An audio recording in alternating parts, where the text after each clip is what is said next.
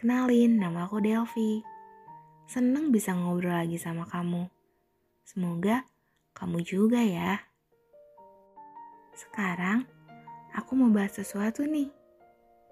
Penasaran gak apa yang mau aku bahas? Kalau enggak ya nggak apa-apa. Makasih ya udah mau dengerin aku.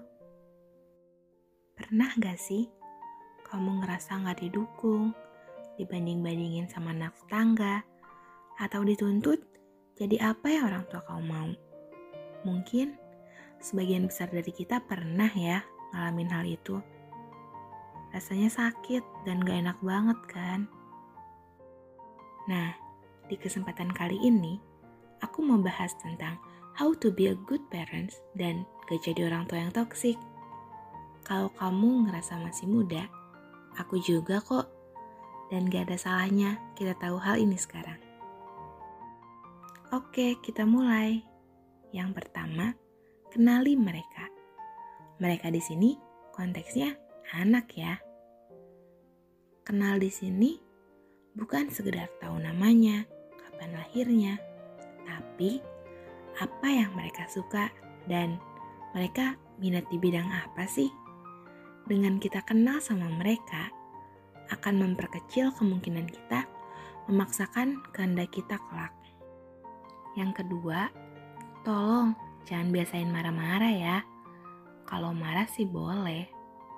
Marah sama marah-marah itu beda loh. Kalau marah-marah, apa aja yang dilakuin pasti langsung dibentak, pasti langsung marah. Kita nggak mau kan kalau mereka nanti jadi anak yang bebal karena terlalu sering dimarahin, atau hanya sekedar takut sama kita. Nah, kalau marah, pastiin tujuan kita biar mereka tahu apa yang salah dan bertanggung jawab atas kesalahannya. Gak cuman sekedar ngeluapin emosi dan bentak-bentak lo ya.